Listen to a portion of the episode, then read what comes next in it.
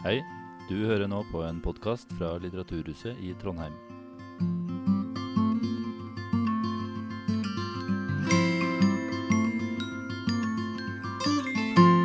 Da tror jeg vi kan eh, sette i gang igjen. Eh, hjertelig velkommen til Stokmanndagene. Eh, aller siste dag og aller siste arrangement. Mitt navn er Trond Aam, er daglig leder for Litteraturhuset i Trondheim, som arrangerer Stokmanndagene i samarbeid med Eventselskapet. Eh, for de som ikke har vært her allerede, så kan jeg opplyse om at det er toaletter bak salen og nødutgang samme veien som dere kom, og det er åpen bar eh, for de som ønsker noe å drikke underveis.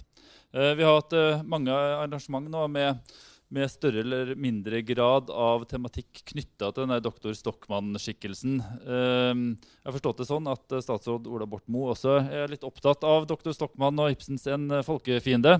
Eh, og det var ikke uten grunn at vi sendte statsråden en invitasjon til akkurat de dagene her. Jeg synes, Ikke bare fordi at Ola Borten Moe er statsråd og, og eh, forskningsminister, som er tematisk knytta til Stokmann-dagene, men også uh, med hans egen bakgrunn, som jeg syns på mange måter passer bra til temaet.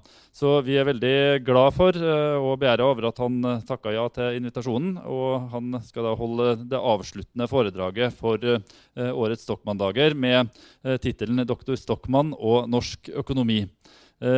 Så med det så tror jeg vil gi ordet til deg, Ola Borten Moe. Vær så god.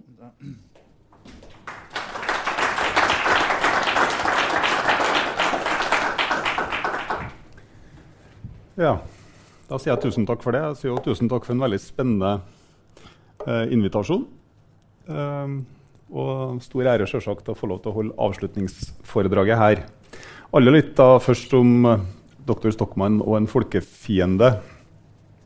Det er jo en veldig spennende figur. Jeg tror alle sammen som leser boka, eh, tenker veldig sterkt at man vil identifisere seg med dr. Stockmann, som avdekker sannheten, og som uegennyttig står på for å berge eh, verden. Det er jo en tidløs fortelling i, i så forstand.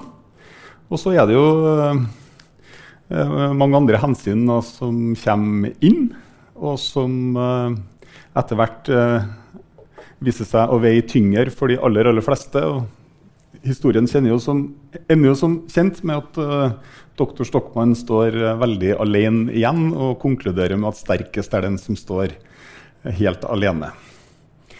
Eh, jeg er jo ikke 100% sikker på at det er sant. At man er sterkest den som står alene. Det er nå det ene. Og det andre det er jo, andre refleksjonen min det er jo innledningsvis det er jo at det er massevis av avveininger også i det, også i det stykket. Eh, og selv om det ikke er noe tvil om hvor sympatien ligger, eh, så jeg, tenker jeg som så at den fortellinga òg er tidløs i den forstand at man gang, altså hele tida, fra gang til gang, så står man både innenfor forskning, ikke minst innenfor politikk, i en del dilemma som må løses eh, fortløpende etter hvert, og der ulike hensyn er nødt til å veies opp mot hverandre.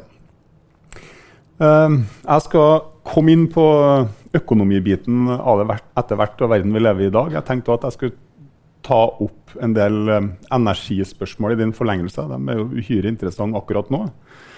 Eh, Så har vi akkurat lagt bak oss en koronaepidemi. Det har òg vært en, par refleksjoner eh, i denne konteksten. Og ikke minst så står da eh, verden i en sikkerhetspolitisk situasjon som eh, ja, For min egen del så gikk jo muren i Den ble jo revet i 89, da var jeg 13 år. Eh, ikke, altså jeg har et sånn svakt minne om en eh, marsj fra Trondheim til Oslo i, i barnevogn. Da var jeg 6-7, det var nei til atomvåpen. Altså, Dette var jo tidlig 80-tall. Men hele, min, hele mitt voksne liv da har jo vært innenfor ramma at atomkrig er helt utenkelig. Militær konflikt i Europa helt utenkelig. Har ikke stått på menyen i det hele tatt. Vel, nå er det, nå er det annerledes. Men for å ta det i Bare for å ta, uh, for å ta det i uh, altså litt etter hvert. Ta den første sist, altså koronaepidemien, som vi i og for seg er ferdig med. Hva var rett og galt? Det var det jo veldig få på det tidspunktet som visste. Men det man visste, var jo at man hadde TV-bilder fra Italia som så veldig lite trivelig ut. Og regjeringa sammen med helsemyndighetene stengte jo ned landet i mars 2020. Jeg tror at når vi nå kikker oss tilbake som folk Nå skal denne koronakommisjonen komme, og så skal man lære litt av dette her så godt man bare kan. Men jeg tror egentlig at de fleste av oss tenker på det her som takk og lov, det er over. Vi kom greit gjennom det gidder ikke å forholde oss sånn supermye til hva det var som var rett og hva det var som var galt. Litt sånn sunk kost. Jeg tenker i hvert fall sånn på det. Eh, og så er det litt merkelig å bare reflektere over at det er ikke mer enn seks-sju måneder siden vi hadde strenge sosiale restriksjoner. Vi skulle drive og telle nærkontakter, vi skulle holde styr på hvem vi var sammen med, hvor mange vi hadde på besøk i hjemmene våre eh, etc. Altså et, et, helt annet liv, eh, en helt annen verden. Nå er det heldigvis en saga blått. Grunnen til at jeg tenkte det var relevant å ta opp det her, og for så vidt da under vignetten eh, Stockmann, det er jo fordi at det her, når det inntraff, helt åpenbart var et enormt dilemma for det norske samfunnet og for norske styresmakter. Stengt ned. Og man gikk jo egentlig fullstendig på tvers av det som er sånn, kjernen i et fritt, liberalt, demokratisk samfunn. Som er altså forsamlingsfrihet. Det er rett til å møte hvem du vil, det er rett til å gjøre hva du vil. Og plutselig så ble alle disse sidene av livene våre regulert, og det varte ganske lenge. Altså åpenbare brudd på det vi kanskje holder uh, høyest, og med gode grunner. For min egen del så kom jeg jo inn i regjering for et år siden. Da trodde vi jo at vi var ferdig med dette. her, og Så kom jo da den siste runde med omikron rett før jul i fjor. Uh, da satt jeg i regjering, og da satt vi og vedtok en ny runde med alle disse forskriftene og påbudene. Og da var liksom refleksjonen min altså sånn er det å sitte i regjering i Nord-Korea. tenkte jeg. Nå sitter vi og regulerer eh, aspekt ved liv og samfunn som for de aller, aller fleste ville ha vært helt utenkelig bare for kort tid siden, men situasjonsbestemt kanskje helt korrekt. Var det rett? Altså, jo, det, jeg tror jo i stort at det var rett. Jeg tror det norske samfunnet kan si at man har kommet relativt greit fra det her. Vi sammenligner oss med, med svenskene og konstaterer at vi hadde lavere dødsfall gjennom pandemien. En interessant observasjon er at svenskene sammenligner seg med oss og er like overbevist om at de hadde rett i sin håndtering av pandemien. Så de mener jo at vi var helt ville. De er jo dritforbanna på oss fordi vi stengte av grensene med militæret. Vi nekta eh, broderfolket å dra på besøk til hverandre. Vi ødela det integrerte arbeidsmarkedet, som er viktig for veldig mange som bor langs grensa. Altså, veldig radikale tiltak. De mente at det var helt utafor. Vi mente at det var helt nødvendig. Og Det er for så vidt også en sånn in interessant observasjon, jf. en folkefiende for hva er egentlig rett og hva er egentlig feil. Vi leste den med utgangspunkt i hvert fall gjorde jeg da, med utgangspunkt at Stokmann hadde åpenbart helt rett. Altså doktor Stokmann, ikke broren. Uh, men i fortellinga om skandinavisk pandemibekjempelse så er det altså to virkelighetsforståelser som uh, møtes. Vi har vår, er helt overbevist, og svenskene har si og helt overbevist om at det er dem som har rett håndtert på to vidt forskjellige måter. Svenskene som kjent, med en mye større grad av, uh, av frihet. Så eh, Neste eh, dilemma som jeg tenkte var verdt å trekke fram, det er jo knytta til energi, økonomi og klima. Nå har jo det blitt satt på spissen som en konsekvens av den russiske invasjonen i Ukraina og, og deres beslutning om å avslutte all gasseksport til Europa. Men det har jo ikke alltid vært sånn at Europa har vært avhengig av russisk energiproduksjon for å holde hjulene i gang. Det er jo et relativt nytt fenomen. Uh, og mange vil jo mene, og jeg er blant dem, uh, at årsaken til at det har blitt sånn, det er jo et resultat av bevisste og overveide politiske valg i Europa over tid. Så man har jo i stort lagt ned veldig mye av det man ikke har likt. Typisk kull, typisk olje, typisk atomkraft. Eh, og så har man investert i fornybar energi, for det har, vært, eh, det har, vært, god stemning. Det vil man jo ha mer av, men så er det jo en gang sånn at man trenger energi også når sola ikke skinner, og man trenger det når vinden ikke blåser. Og så har man saldert hele dette regnestykket da, med russisk gass. Det her har man åpenbart sett i, i Moskva. Tenkt at uh, det her er en av måtene vi kan tvinge da, Europa i kne på. Fortell oss hva som kommer til å være fasit der. Men det er ingen tvil om at enormt med beslutningsmakt og påvirkning er flytta fra de europeiske hovedstedene de facto og inn i Moskva og Kreml. Og nå har det gått opp for oss alle sammen tror jeg at det der ikke var spesielt, spesielt lurt. Resultatet er jo energipriser i Europa som er av en helt annen verden, og som er av en størrelse som våre samfunn egentlig ikke er rigga for å håndtere. Nå sitter vi i Trøndelag. Akkurat nå, og sånn som det har vært det siste året, så er Trøndelag, Nord-Norge og Nord-Sverige 800 000 mennesker av 550 millioner som har rimelig strøm. Så vi tilhører altså det er 0,2% 0,3% som ikke betaler 5, 6, 7, 8, 9, 10, 11, 12 kroner kilowattimen. Eh, men også i Norge. Altså, dette har jo vært det store spørsmålet det siste året. Selv om vi har økonomi og finanser for så vidt å håndtere det, og nå da med enda bedre strømstøtteordning. Men det er jo ikke situasjonen i store deler av eh, Europa. England regulerer nå opp energiprisene sine. Og der er jo forecastet at millioner av mennesker i vinter kanskje er nødt til å velge mellom varme i husene eller mat på bordet. Altså, det er et type valg som ikke hører hjemme i et sivilisert, vestlig, industrialisert, liberalt demokrati. Sånn har ikke vi hatt det på, på, generasjon, på generasjoner. Og Så blir det neste spørsmålet hvilke overslagskonsekvenser får dette her i politikk, i demokratiet vårt, i den sosiale kontrakten mellom partiinstitusjoner på den ene sida og befolkning eh, på den eh, andre sida. Det er jo en grunn til at eh, tror jeg da, det er en grunn til at folk stemmer veldig annerledes. Altså, noen stemmer i hvert fall annerledes nå. Altså. Det er en grunn til at Donald Trump vant valget i USA. Og kanskje en av de grunnene i det tilfellet en middelklasse som ikke har hatt reallønnsutvikling på tiår. Det er en grunn til at Sverigedemokraterna blir nest største parti i, eh, i, Sverige bare for 14 dager siden. Og det er en grunn til at du nå har for, sannsynligvis da, en ytre høyre-statsminister i Italia for første gang siden andre verdenskrig. Så trenger ikke det å være det samme som at demokratiet og institusjonene våre ikke håndterer det. Det tror jeg er i hvert fall mye større sjanse for at det går bra i Europa enn en han kompisen vår borti Washington prøvde på i de fire årene eh, han satt. Eh, men det er i hvert fall annerledes. da. Det er annerledes enn før. Og jeg tror at det ligger vel til rette for at hvis det der fortsetter, klarer man ikke å løse situasjonen, så kommer det helt åpenbart ytterligere til å bli annerledes. Dette er jo egentlig det her med energi og tilgang tror jeg er vårt samfunns altså store dilemma akkurat nå. For nå tror jeg vi lærer the hard way at vi kan ikke få alt sammen på en gang. Vi kan ikke både klare å kutte klimagassutslipp ha rimelig stabil energiforsyning, sikre både industri eh, og husholdninger. Eh, og samtidig ta vare på alt det vi ønsker å ta vare på av natur og naturverdier. Så i Norge, altså hva betyr det for oss? Vi har jo egentlig vært ganske dyktige i den forstand at vi har bygd ut en, mer fornybar energi etter hvert som vi har trengt det. Det har vi fortsatt med de siste 10-15 årene òg. Det er bygd ut mer enn det er gjort på veldig veldig lenge.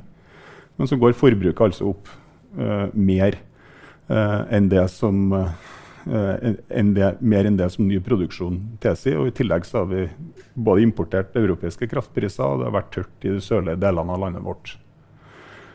Men den sterkeste, i hvert fall en av de sterkeste konfliktlinjene i vårt samfunn de siste 70 årene har handla om akkurat konflikter mellom bruk og vern. Hvor mye natur er vi villige til å bruke? Tidligere da, demne for å bygge vannkraftverk. Nå eh, vindkraft i fjellheimen vår og kraftgata. Min observasjon som olje- og energiminister den gangen jeg var det, det var jo at vindbøller det var et populært fenomen helt til de begynte å komme opp. Altså, Dette var løsninga på energiutfordringene og klimakrisen vår. og Så kom de opp, og så viste det seg at dette var ikke noe som veldig mange i hvert fall eh, syntes var kjempegøy uh, da. Og så kan man jo da spørre seg i fortsettelsen, da, gitt at vi trenger da enda mye, mye mer, kommer det til å være sånn at aksepten i det norske folk for å ta i bruk mye, en mye større andel av eh, naturen vår for å, bygge ned, eh, for å bygge ned og for å få på plass nødvendig energiforsyning er på plass, altså, det tror jeg er et åpent spørsmål.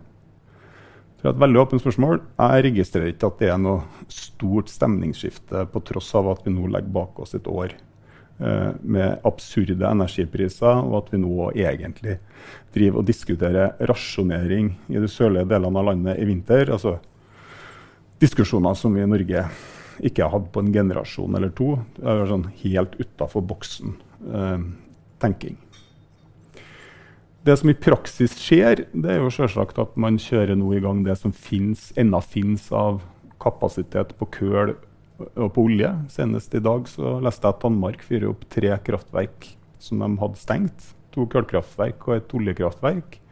Og da er du vel sånn egentlig inne på litt av kjernen i doktor Stockmann nå. Altså, I nøden spiser fanden fluer. Så hvis det er sånn at du er nødt til å velge mellom å kjøre økonomien skikkelig på ratata, og at uh, folk ikke har tilgang på, te, på et basistilbud, i dette tilfellet knytta til energi og igjen da økonomi, uh, så velger man det foran at man tar konsekvensen av at klima tåler ikke at vi fyrer veldig mye mer uh, med kull, og at det er noe som vi har prøvd å kvitte oss med i, rett og slett da, i, i lang, lang tid.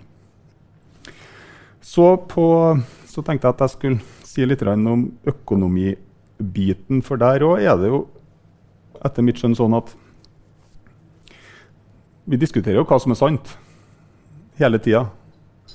Og så er de fleste enige om hva som er sant, og så er det bestandig noen som mener noe annerledes. Og så har jo historien også vist oss at av og til så er det de som mener noe annerledes, som har rett.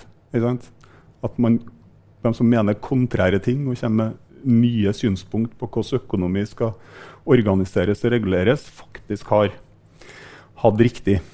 Og Det er en slags sånn felle som jeg tror mange av oss som driver med politikk, av og til må passe oss for da, å, å, gå i. Sant? Og du bestandig blir sittende og forsvare det som er konvensjonell visdom og det, og det bestående. Men uh, bare for å ta en liten analogi uh, og Dette er jo faktisk en av få ting jeg har gjort noe akademisk på. Jeg skrev en uh, mellomfagsoppgave om norsk økonomisk politikk i mellomkrigstida mens jeg gikk på universitetet på, på Dragvoll.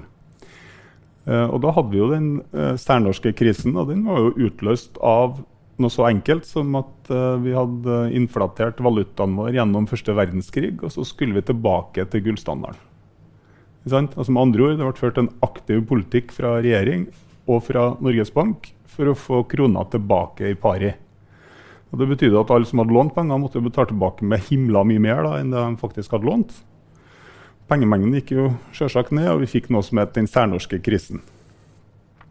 Ettertid helt ko-ko å gjøre det. Altså, enorme lidelser for land og folk, men det ble gjort, og det var bare normativt. Det her er nødvendig eh, å gjøre, nesten som en sånn moralsk eh, argument i det norske samfunnet den gangen. Eh, rett etterpå så kom jo Kanes og snudde opp ned, ikke, på, ikke bare på det, men også på det som var konvensjonell visdom i økonomisk politikk den gangen også, nemlig at i den grad staten kunne bidra til økonomisk vekst, så gjorde man det gjennom å spare penger og kutte utgifter. Og det var det man holdt på med, selv om det sto uh, veldig, veldig dårlig til. Jeg har en morsom historie om statsminister Kolstad. Han leda jo Bondepartiregjeringa fra 30 til 33 eneste statsministeren som har dødd på post, for øvrig. Eh, og Da skulle det altså spare såpass med penger i statsadministrasjonen, så han fant det da nødvendig å føre regjeringsprotokollen sjøl. Det gjorde statsministeren egenhendig for å spare sekretærutgifter. Det er helt, uh, det er i hvert fall utenkelig i dag. Og du skal ikke, lede, skal ikke lede store foreninger eller for så vidt store bedrifter heller før du, helt, før du, har et stort system som tar seg av de tingene der på helt annet vis enn at styreformannen sitter og, uh, og fører protokoll. Men det var, altså, det var, den tidas visdom. Så kom Judah Keynes, og så begynte man da å føre motsyklisk eh, makroøkonomisk politikk, og det har nå tjent oss vel i 90 år, vil jeg si. Hva har det med situasjonen i dag å gjøre?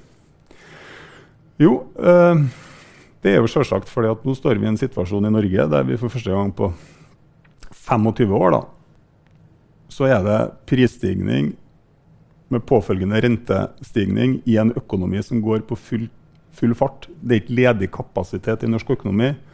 Vi har 1,6% arbeidsledighet, tror jeg var de siste tallene jeg så.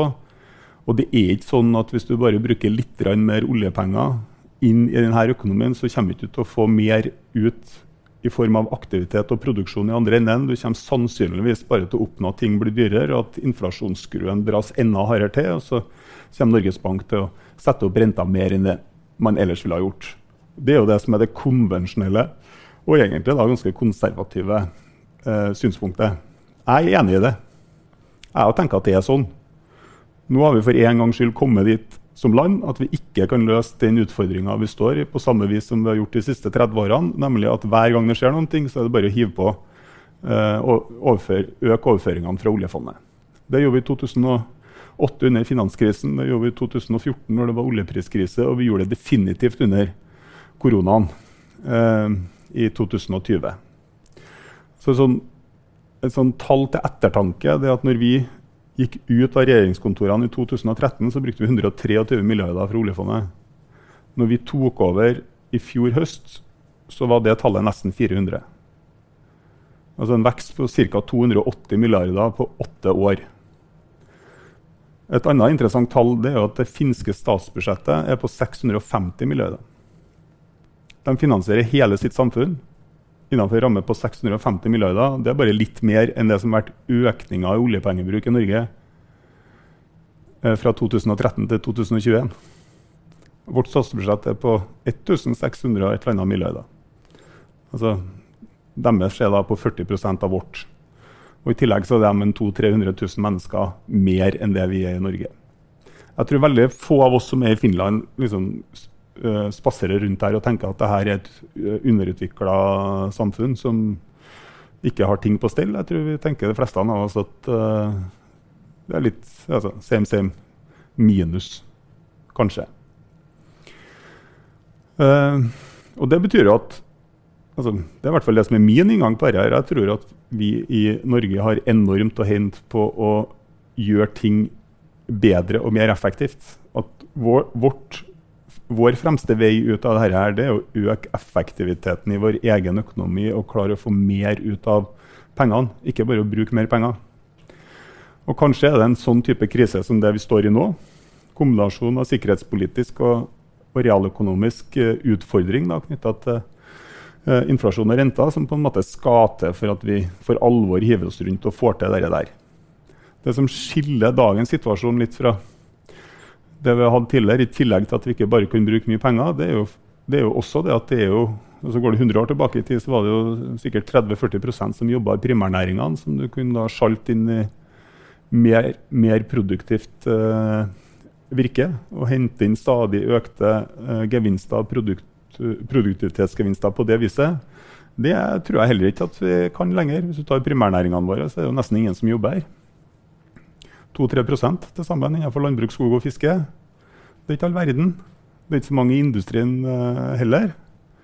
Så det aller meste er jo offentlig sektor og tjenesteytende uh, i Norge. Og det er jo de delene av samfunnslivet vi er nødt til, og økonomien vi er nødt til å innstille og få mer ut av hvis vi skal klare å gjøre det vi har gjort tidligere, og som jeg tror vi alle sammen håper på, nemlig at ting skal bli litt bedre. Vi skal klare å få på plass reallønns, uh, god reallønnsutvikling igjen og at vi alle sammen eh, får litt optimisme og tro på framtida. En helt sånn basis grunnplanke i kontrakten eh, i ethvert eh, vestlig liberalt samfunn, og definitivt i, i det norske. Men og i Norge i dag så går jo denne debatten ganske eh, heftig. Du vil jo finne både på høyre og på venstre side dem som mener at dette ikke er noe problem å løse, det er bare å bruke mer penger kommer til å få mer fart med å bruke mer penger. Det er bare å øke enten med trygdeutgifter, sosiale stønader, strømstøtte til enda flere, enda sterkere strømstøtte. Altså, hele dynamikken i det politiske ordskiftet i Norge det er jo sånn som det bruker å være. Det er regjeringa og finansministeren og Finansdepartementet som holder litt igjen. Og så er resten på det kjøret at dette her kan vi enten løse med mer bruk av oljepenger, skatteletter, og noen mener da skatte- og avgiftsskjerpelser. Men uansett fasit det er bare å peise på. Bruk mer penger over offentlig budsjett, og så blir dette her eh, fint og flott, og alt sammen kommer til å ordne seg over tid. Jeg tror ikke det er sånn. Men igjen, da, tilbake til mitt eget argument om at man må passe seg for å bli for konvensjonell. Så skal man jo ta høyde for at av og til så dukker det kanskje opp noen kontrære tanker som er, som er riktige, og som det er verdt å høre på.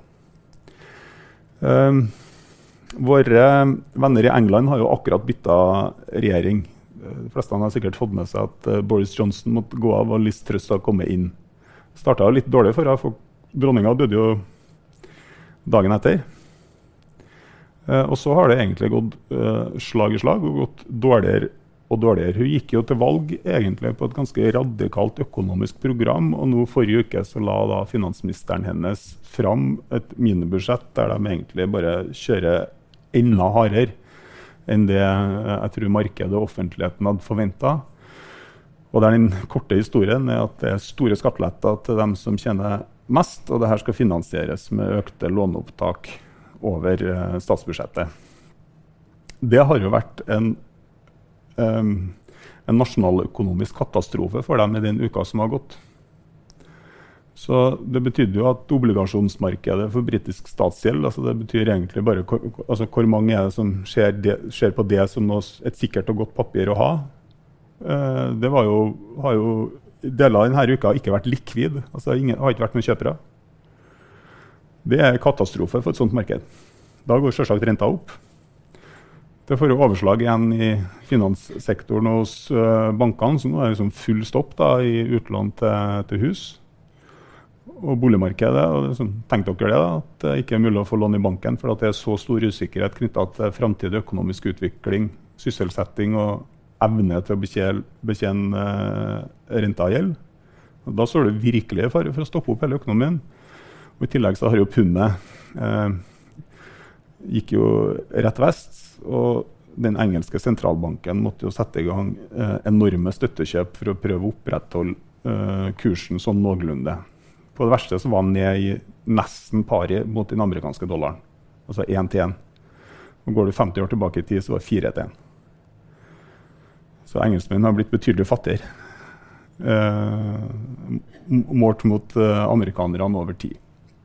Og Grunnen til at jeg sier dette er det er jo bare for å understreke det poenget det neste poenget mitt, nemlig at det er uhorvelig mye som står på spill. Så gjør man de feile tingene, og kjører man enten for hardt eller ikke i synk med det som er forventningene, eller utfordrer markedet for sterkt. Og jeg tror det der gjelder um, relativt sett mer for små land og små økonomier enn det gjelder for store land og store økonomier. De har mer å gå på. Uh, England er den sjuende største økonomien i verden. og Likevel så klarte altså den sittende regjeringa, statsministeren og finansministeren, klarte det kunststykket den siste uka å skape så mye usikkerhet rundt fremtidig økonomisk utvikling uh, at eh, man nesten egenhendig kjørte den uh, butikken utfor stupet. Det er òg et perspektiv som man skal ha med seg. Det perspektivet lå for øvrig å, på sett og vis i, en folkefiende. Det er jo ikke noe særlig å drive kurbad hvis alle sammen blir klein av det, fordi at vannet er Eh, er dårlig. Så skal jeg avslutte med et uh, kort For så vidt Det er ikke et resonnement, det er mer en observasjon knytta til hvor ulike fortellingene kan være. Det var det jeg prøvde prøvd å illustrere litt gjennom de her uh, tre-fire forskjellige temaene òg. Men jeg er helt overbevist om at i hvert fall deler av den russiske eliten og det russiske folk, sannsynligvis etter å ha blitt preppa da, eh, med propaganda i lang, lang tid, de tror ganske fast og helhjerta på det de blir fortalt. Dette er en frigjøringskamp. Det er vi som er the good guys. Og vi står opp mot uh, Vesten, som målretta prøver å ødelegge for oss. Og det er et uh, usympatisk uh, kriminelt regime i, i Kiev som det er vel verdt å ta opp uh, kampen mot. Vi har egentlig ikke noe annet valg enn å gjøre det. Uh, her på vår side så vet vi selvsagt uendelig mye bedre. vårt perspektiv er, og mitt eget altså, Jeg begynner jo å bli svært bekymra. Rett og slett fordi at det skjer ting, og det er en utvikling og det er en dynamikk som gjør at det er vanskelig å anslå hvor det her til å stoppe. Forrige uke gikk eh, gassrørledninga i lufta i, Eller ikke i lufta, da, den ble i hvert fall sprengt. Riktignok på havets bunn i Østersjøen. Det der er jo ting som ikke har skjedd i Europa siden andre verdenskrig. Og det her er liksom rett ved siden av Danmark.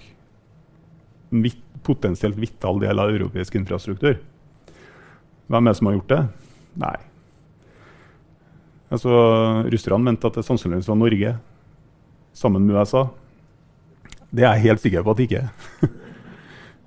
uh, jeg tror heller ikke at man trenger å være rakettforsker for å tenke litt rundt, rundt, hvem det er som gjør det, og hvorfor man uh, ønsker å gjøre det og sende den type signal inn. Nå annekterte de. Nå betrakter de de her fire fylkene som en del av det russiske territoriet og kommuniserer veldig tydelig at de er villige til å forsvare det som om det skulle ha vært Moskva eller St. Petersburg eller Ural eller hva det skulle være for noen ting. Enorm eskalering. Jo, hvis du ser på liksom, tallene altså, Russland er en ganske liten økonomi, økonomi på størrelse med Spania. Uh, militært så har vi jo trodd at de har vært konvensjonelt veldig sterke, og, sterk, og så har det jo vist seg det siste året at de har hevet inn alt de har, og så får de har egentlig blitt stoppa av Ukraina, langt mindre og langt dårligere utstyrt her. Men så er hovedproblemet selvsagt at de har 3500 atomvåpen. Og at de har en maktstruktur der det sannsynligvis sitter én nisse på toppen og bestemmer hele greia. i hvert fall enn så lenge. Og så blir egentlig det store spørsmålet er han villig til å sette ting så på spissen at dette her kan ta fullstendig av fremover. Og det er jo anybody's guess. Det vet jeg akkurat like lite om som dere. Jeg tror det er kanskje det som de fleste av oss nå sitter og kikker på, tenker på, vurderer, føler en stor grad av uro eh, og usikkerhet. For det er ikke bra, eh, det, som, eh, det, som, skjer her. Og uansett så tror jeg vi går inn i en framtid der verden er betydelig forandra. Og da skal jeg avslutte med å si det, for bare tenk på det. Altså, tenk om Putin istedenfor å si det at han annekterte de her fire fylkene i går, hadde sagt det at uh, nei, nå avslutter vi. Det her var ikke noe lurt. Uh, vi går tilbake til de opprinnelige grensene våre. Vi ønsker fred og frihet i verden. Skal aldri gjøre noe mer. Det hadde jo likevel ikke vært det samme. Likevel så ville vi vært i en situasjon der 30 år med bygging av folk-til-folk-samarbeid, av økonomisk integrasjon, av tillit mellom øst og vest, er sprengt, revet bort, over. Og det kommer til å ta lang, lang tid eh, før de forholdene er mulig å rette opp igjen. Og det kommer også til å påvirke livene våre i smått og i stort. Og i stort så er kanskje det største eksempelet på det det er jo europeisk energiavhengighet av Russland. Og den enorme jobben som Europa nå er nødt til å gjøre da, med å få på plass alternative energiforsyningskilder. Eh, alternative forsyningsruter så fort som mulig. Eh, så sikkert som mulig, så billig som mulig, og helst uten at du øker klimagassutslippene dine vesentlig. Takk for oppmerksomheten.